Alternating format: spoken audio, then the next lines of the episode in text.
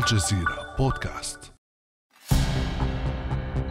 بعدما حكم البلاد لأزيد من ثلاثة عقود خاض خلالها حروبا ومواجهات مع من يصفهم نظامه بالمتمردين. ها هو الجيش التشادي يعلن مقتل رئيس البلاد إدريس ديبي متأثرا بجروح أصيب بها خلال تفقد قواته في الشمال حيث كانت تجري المعارك مع مسلحين معارضين. كان ذلك في العشرين من أبريل العام الماضي وبعد أقل من عام كانت الدوحة تحتضن محادثات بين المجلس العسكري الانتقالي برئاسة محمد إدريس ديبي ومعارضيه لتتوج بعد خمسة أشهر في الثامن من أغسطس بالتوقيع على اتفاقية الدوحة للسلام تمهيدا لحوار وطني شامل في تشاد يؤمل منه أن يقود إلى مصالحة وطنية شاملة فما هي أسباب النزاع في تشاد؟ وكيف تم التوصل إلى اتفاقية الدوحة؟ وعلى ماذا اتفق الموقعون؟ وما فرص استمرار الاتفاقية وانضمام الجماعات الأخرى إليها؟ وهل ستحقق هذه الاتفاقية المصالحة الشاملة والاستقرار في البلاد؟ أنا أمل العريسي وهذه حكاية جديدة من بودكاست الجزيرة بعد أمس ينضم إلينا هنا في الأستوديو في الدوحة دكتور بدر الشافعي أستاذ الدراسات الأفريقية بأكاديمية العلاقات الدولية. أهلا وسهلا بك دكتور بدر. أهلا بك وبمستمعينك الكرام. دكتور بدر الأزمة في تشاد ليست جديدة. هذا البلد خامس أكبر بلد في أفريقيا مساحة لم يشهد انتقالا سلميا للسلطة منذ استقلاله عن الاحتلال الفرنسي عام 1960 لكن مقتل الرئيس إدريس ديبي في العشرين من أبريل من العام الماضي شكل منعطفا في تاريخ الأزمة في البلاد. دكتور بدر نريد منك في البداية تقديم لمحة عن جذور الأزمة في تشاد. ما قصتها؟ يعني الأزمة في تشاد شبيهة بالأزمة في العديد من الدول الإفريقية. بعد الاستقلال دائما يكون هناك حزب واحد يسعى إلى السيطرة على كل المقاليد السياسية الاقتصادية بحيث كل الأمور تدار من خلال هذا الحزب. هذا هو ما فعله أو ما حدث في تشاد بعد الاستقلال عن فرنسا.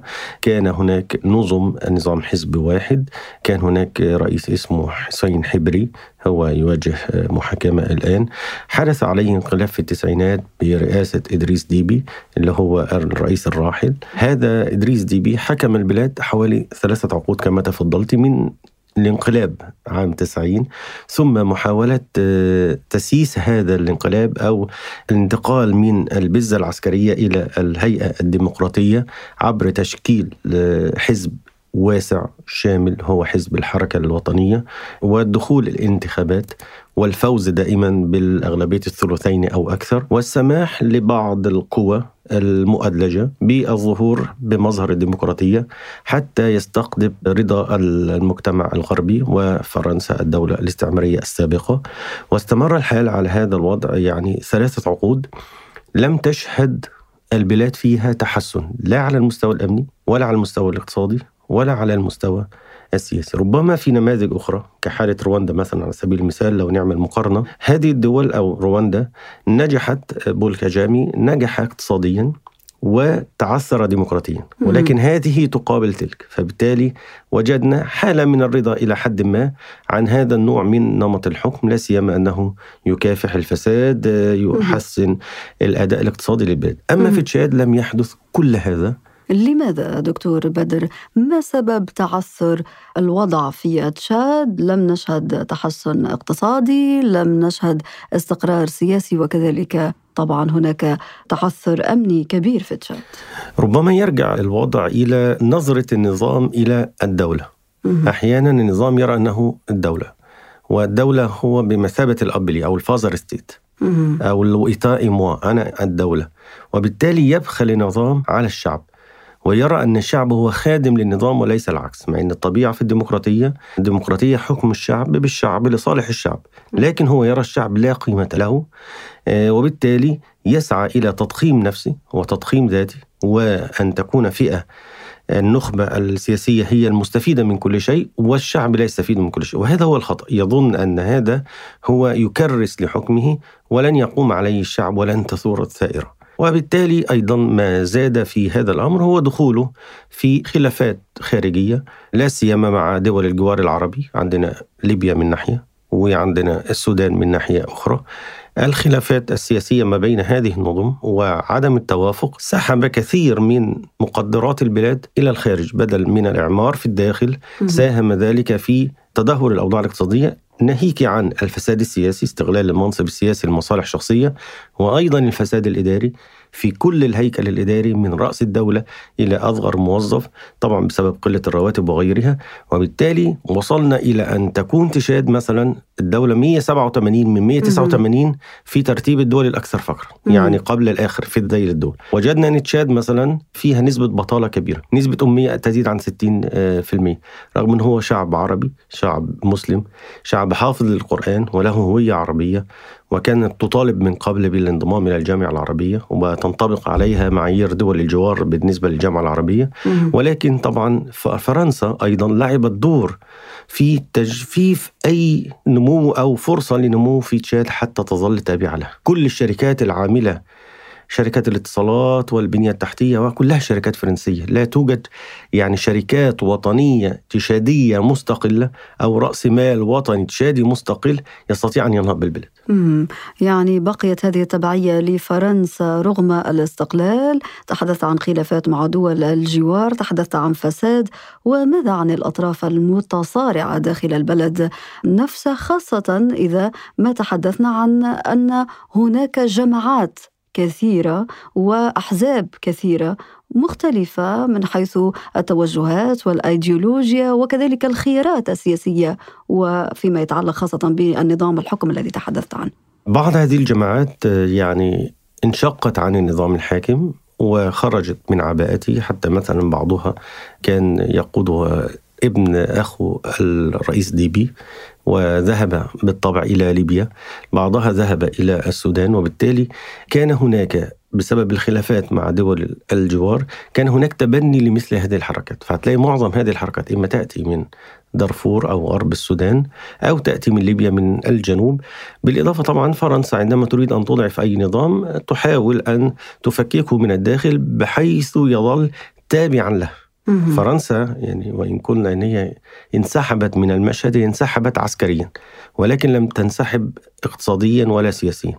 مبدأ influence not interference يعني التأثير دون التدخل أو ان أنا لا أتدخل بصورة عسكرية لأن هذا يكلفها الكثير وربما يستفز الشعب أو الرأي العام الداخلي ولكن أحاول التأثير من الخارج وهو هذا الذي اتبعته فرنسا. وبالتالي أصبحنا أمام موزايك سياسي وموزايك عسكري كبير جدا بل ربما يعني قد يكون من قبيل المصادفة أن الهجمات التي راح فيها إدريس ديبي في إبريل قبل الماضي 2021 كان قبلها بشهر هناك إعلان لخروج المرتزقة والقوة غير الليبية من المشهد الليبي. حفتر أراد أن يظهر بأنه لا يعتمد على المرتزقة سواء من فاجنر أو من القوات التشادية. فبالتالي أمرها بالخروج. فأين تذهب؟ ذهبت إلى شمال تشاد نعم. وحدثت هذه المواجهات وربما كان هناك تسليح كبير لهذه القوات وحدث أن يعني مات ديبي. نعم ويقال أن هذه الجبهة جبهة تغيير المعارضة التشادية هي كانت خلف مقتل الرئيس الراحل إدريس ديبي. نعم علما أن دكتور علي مهدي كان من المقربين إلى ديبي من فترة ولكن كما قلنا بسبب يعني الرغبة في الهيمنة والسيطرة وعدم إعطاء فرصة لمن حوله انشق عنه وذهب طبعا إلى ليبيا واستغل طبعا المشهد السياسي غير المستقر في ليبيا سياسيا أو عسكريا منذ 2011 وبالتالي كانت هذه أحد المشاكل ويفسر لماذا هذه الحركات تعود وتذهب وتعود وتذهب وبالتالي أصبحنا أمام كما قلنا تعدد للحركات. يعني عندما مثلا اجتماع الدوحة هناك 52 حركة دعيت إلى هذا الأمر. هناك 200 حزب سياسي في الساحة. طبعا صعب جدا أن يجمع مؤتمر مصالحة كل هذه الفرقاء. لا سيما أن كل لها ربما يكون لها أجندات مختلفة لها قوة داعمة لها. فبالتالي أصبحنا أمام وضع معقد سياسيا وعسكريا وطبعا اقتصاديا. بالضبط دكتور بدر أن وصلنا الآن إلى الحديث عن اتفاقية الدوحة التي تم توقيعها في الثامن من أغسطس 2022 هذه الاتفاقية كما ذكرت جمعت أطرافا عدة تعكس هذه الفسيفساء التي تحدث عنها في المشهد السياسي التشادي. وجاءت كما ذكرنا أيضا في سياق أزمة زادت عمقا بعد اغتيال الرئيس الراحل إدريس ديبي. وهذه الاتفاقية التي تمت برعاية قطرية الهدف الأساسي منها هو أنه تقود إلى حالة من المصالحة الشاملة في تشاد. لنستمع إلى أمين عام منظمة الأمم المتحدة ماذا قال عن هذه الاتفاقية؟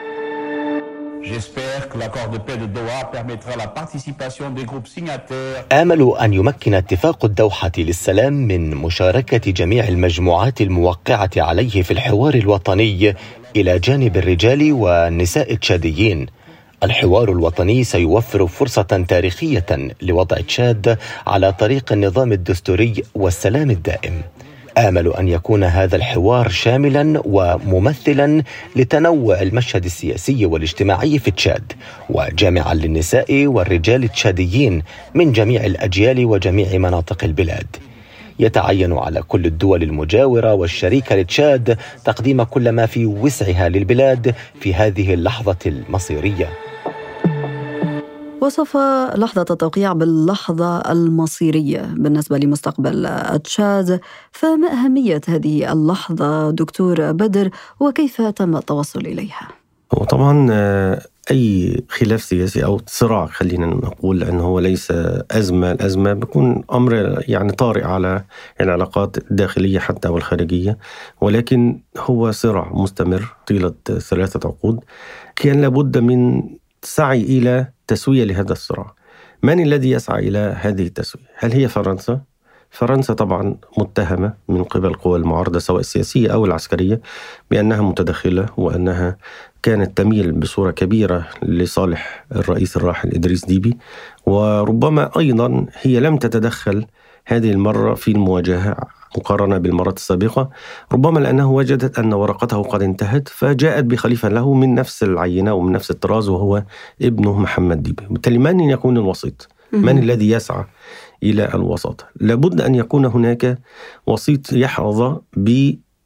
إجماع أو شبه توافق. وسيط نزي يستطيع أن يساهم في عملية ما بعد الوساطة أو ما بعد التسوية. يعني كما نعلم ما بعد التسوية تبدأ عملية مرحلة إعادة بناء السلام في الدولة التي شهدت هذا الصراع. قطر حقيقة يمكن أن تلعب هذا الدور فهي وسيط نزيه.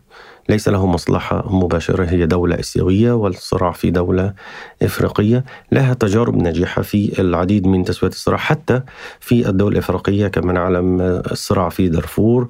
الخلاف ما بين السودان وإريتريا الخلاف الحدودي في موضوع الشرق. حتى في أمور ربما تكون أكبر أو قضايا أكبر زي مثلا الخلاف ما بين فتح وحماس أو ما بين الفرقاء في لبنان 2008 وما سوى ذلك. فبالتالي حدث نوع من القبول لا سيما أن الاتحاد الإفريقي أيضا ربما هناك قلة موارد أو رغبة في عدم التدخل أو البحث عن وسيط يمكن أن يقبل هذا الأمر لا سيما وهذه معلومة أن رئيس المفوضية الأفريقية هو موسى فكي هو مم. أساسا كان وزير خارجية تشاد وكان من المقربين الذي فبالتالي ربما وجد في قطر يعني فرصة أن تكون داعما لهذا الأمر. وحقيقة يعني المفاوضات لم تستغرق كثيرا يعني خمسة أشهر في عمر المفاوضات.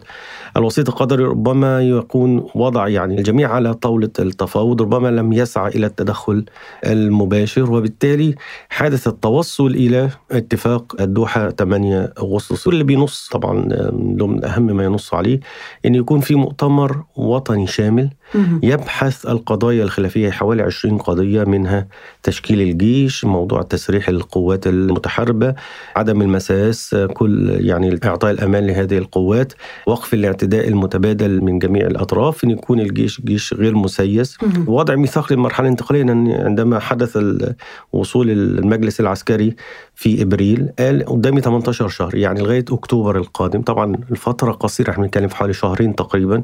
طيب دكتور بدر كل هذه الخطوط العريضة لاتفاقية الدوحه للسلام الخاصة بالصراع في تشاد وقعت عليها الأطراف المشاركة في هذا الحوار. فمن هي هذه الأطراف؟ خاصة وأننا تحدثنا عن عدة أطراف متصارعة ومختلفة وما حجمها في الصراع؟ يعني خلينا كما نقول إن هو كانت الدعوة وجهت ل 59 فصيل عسكري. 40 منهم شاركوا في هذا عملية التوقيع. 19 رحبوا بالوساطة القطرية ولكن كانت لهم تحفظات أو شروط مسبقة إنجاز التعبير. أبرزها كما قلنا أن من شارك في المجلس لا يشارك في الحوار الوطني الشامل أو في الانتخابات القادمة. وهذه هي نقطة فعلا يعني ذات اعتبار وستناقش بالفعل في الجلسات المصالحة. هم لو كانوا صبروا ووجدوا هذه المخرجات ربما انضموا لاحقا. لكن دون دخول المستمع في يعني أسماء وخلافات كثيرة نستطيع القول أن نسبة كبيرة من هذه القوى شاركت فيها. لكن مثلا في المقابل في بعض القوى زي التغيير والوفاق اللي هي فاكت بتاعت دكتور محمد مهدي واللي هي كما قلنا إن هي كانت مقربة لم تشارك في هذا ربما تشارك في فترة أخرى. عندما تجد أن الحوار يتم بصورة جدية وأن هذه القضايا التي كانت محل مخاوف لها طرحت بصورة حقيقية في هذه المفاوضات وتم التوصل إلى صيغة تظهر فعلا أن المجلس العسكري سيترك الحكم وأن ربما محمد إدريس ديبي لن يشارك في الحكم. ولن يكون هو الرئيس القادم لأن هذه هي المخاوف أن يستبدل أو, أو تكون تشاد دولة وراثية ملكية في إطار ديمقراطي وأن يكون الحكم يتداول ما بين الرئيس ونجم. لنستمع في هذا السياق إلى ما قاله محمد شريف جاكو نائب رئيس وفد جبهة الوفاق من أجل تغيير فاكت. قطر مشكورة قامت بدور وساطة وعملت مجهود جبار جدا ووصلنا إلى مراحل متقدمة جدا من التفاهم ومن التقارب بين الطرفين. ولكن في لحظة من اللحظات انقلبت الأمور راسا على عقب. لا ندري بسبب تعنت الوفد الحكومي. برأيك دكتور بدر إلى أي مدى يمكن أن يؤثر عدم توقيع جبهة فاكت على هذه الاتفاقية وماذا يعني انسحابها منها؟ هو طبعا كما هو واضح المشكلة ليست في الطرف الوسيط ولكن المشكلة دايما في الطرف الآخر يعني حتى الاتهام بتاع محمد شريف جاكو اللي هو نائب رئيس الجبهة يوجه إلى الطرف الآخر وهناك مخاوف من الطرف الآخر الذي يؤكد هذه المخاوف أو ينفيها هو سير المفاوضات أو جلسات الحوار الوطني. فعلا هو كان من ضمن شروطه اللي كان يشارك أن تكون عملية تشكيل اللجنة التي ستشرف على الحوار بصورة توافقية وصورة يعني فيها نوع من التساوي. هم بالفعل يعني ما أسفر عنه اتفاق الدوحة أن يكون لجنة من تسعة أفراد ثلاثة من المجلس العسكري وثلاثة من القوى المسلحة وثلاثة من الوسطاء القطري والدولي والإفريقي ويكون هو المهيمن عليه. فربما يعني عندما يحدث حالة من الاستجابة استجابة المجلس العسكري تحديدا ووضع بعض تقديم بعض المرونة السياسية في هذه على طاولة المفاوضات أو إبداء رغبة حقيقية وأقول رغبة حقيقية في التخلي عن السلطة وترك السلطة لمدنيين ربما هذا يشارك الجبهة في العودة مرة أخرى. إن لم يحدث هذا هيكون هنا دور الوسيط من ناحية دور الوسيط القطري من ناحية ومدى التأثير. وفي المقابل دور الأطراف الأخرى الداعمة للجبهة والتي ربما لا ترغب في تحقيق حالة من الاستقرار. بقي أمر مهم أيضا وأن ما يحدث أو هذه المخاوف ربما تكون مخاوف مشروعة لأن لدينا مخاوف أخرى أو تجربة مماثلة في السودان الشقيق. وكيف أيضا أن المجلس العسكري رفض ترك الحكم بعد الإطاحة بالبشير، قال إن هو يبدأ المرحلة الانتقالية ثم تنتقل إلى المدنيين ولم تنتقل حتى هذه اللحظة. يبدو أنه هو أيضا الذي يسعى إلى تحول من الجانب العسكري إلى الجانب السياسي الذي يسيطر على البلاد. فربما هذا هو المخاوف من انتقال هذه العدوى العسكرية إلى أيضا تشاد وبالتالي يبقى محمد إدريس ديبي نجل الرئيس ديبي هو الحاكم الفعلي في إطار دستوري. وبالتالي هذه هي الإشكالية. لكن كما قلنا ممكن يكون نوع هناك من ال power sharing بمعنى مشاركة السلطة. كان في نماذج أخرى كان في زيمبابوي وكان في كينيا. يمكن أن يكون مثلا إدريس ديبي هو الرئيس ويأتي برئيس وزراء مثلا من القوى المسلحة هذه أو يعمل على دمج هذه القوى المسلحة في الجيش الجيش، وفي نعم. العملية العسكرية ويضم إلى اتفاقيات السلام كما هو في الحال أيضا في السودان. وبالتالي ربما يحدث هذا نوع من شبه إجماع. لا, نريد لا نقول هناك إجماع في السياسة لا يوجد إجماع. نعم. شبه إجماع على حالة معينة من التوافق السياسي ومن التسوية السياسية للصراع وبالتالي الطرف الذي سيحيد عنها ربما ينضم إليها لاحقا. وبما أنك أشرت دكتور بدر إلى أهمية دور الوسيط القطري فيما يتعلق بالمرحلة المقبلة مرحلة ما بعد اتفاقية دوحة للسلام والحوار الوطني الشامل لنستمع إلى وزير الخارجية القطري الشيخ محمد بن عبد الرحمن آل ثاني الحضور الكرام إننا نتطلع بقوة أن يكون اتفاق السلام المبدئي الذي نحتفي به اليوم نقطة تحول مهمة على طريق الاستقرار والازدهار للشعب التشادي وتحقيق أهدافه في الأمن والتنمية والرخاء. وفي هذا الإطار فإننا ندرك جميعا حجم التحديات لتحقيق السلام المنشود من خلال المفاوضات والحوار الوطني ولذلك ندعو المجتمع الدولي إلى تكثيف الجهود الإقليمية والدولية لاغتنام هذه الفرصة التاريخية لإنجاح الحوار الوطني وتحقيق المصالحة الوطنية لتحقيق السلام المنشود للشعب التشادي. برأيك هل أصبحت المصالحة الوطنية الشاملة بناء على مخرجات هذه الاتفاقية والإجماع النسبي عليها كما ذكرت لا وجود لإجماع في السياسة هل أصبحت المصالحة ممكنة؟ هي ممكنة ولكن مخرجات الحوار هل فعلا القضايا الحساسة التي ستناقشها جلسات الحوار الشامل هي 20 قضية كما قلنا وكلها تتعلق بهذه القوات ووضعها وتسليم سلاحها وضمان عدم الاعتداء وإطلاق السراح السياسيين والمعارضين ووقف التبادل التراشق الإعلامي ووضع ميثاق يحترمه الجميع. كل هذه القضايا إن تم التوصل إلى نتائج مرضية إلى حد كبير للأطراف المشاركة فيها كما قلنا في حوالي 40 فصيل عسكري مشارك فيها مشارك في اتفاق الدوحة في أحزاب سياسية مشاركة فيها. لو كانت المخرجات مرضية إلى حد كبير ربما يكون نحن بصدد مصالحة سياسية يعني تحظى بموافقة أغلبية القوى السياسية والعسكرية. وربما ينضم إليها لاحقا القوى الأخرى أو تظل تغرد خارج السلب. لكن نحن نحتاج أو تشاد تحتاج إلى أن تخرج من عباءة النظام الواحد ومن الحكم بالحديد والنار الذي كان يتبعه إدريس ديبي إلى نظام حكم ديمقراطي. أيضا هذا يتوقف على من ستدعمه فرنسا. من هو الداعم؟ فرنسا ما زالت في المشهد السياسي التشادي. بل ربما انسحابها مثلا من مالي أو إخفاقها في أفريقيا الوسطى ربما يجعلها تنظر إلى تشاد إلى أنها القلب لها في عمليه برخان كما نعلم اللي هي عملية محاربة الإرهاب في منطقة الساحل والصحراء. وكانت فعلا ديبي كان يقدم نفسه الجيش الأقوى وبالتالي هو مركز العمليات وكان يقوم ببعض العمليات العسكرية في دول الجوار لصالح فرنسا.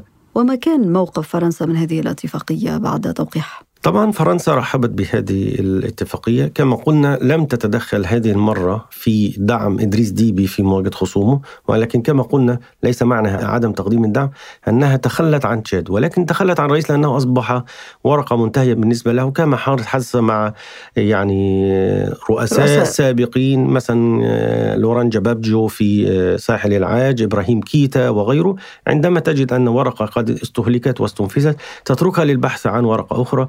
وربما نجدها لم تعترض على وصول إدريس ديبي وبالتالي محمد إدريس ديبي اللي هو الابن إلى السلطة رغم وجود اعتراض شعبي كبير عليه ولكن فرنسا تؤيده لأنه كما يعلم أنه لم يصدر منه أي شيء تجاه فرنسا لم يطالب بانسحاب فرنسا من من تشاد لم يعلن انسحابه من موضوع برخان والتركيز على الداخل لم يقم بأي من هذه الأمور. وبالتالي فرنسا حتى هذه اللحظة تبدي دعما للجهود القطرية.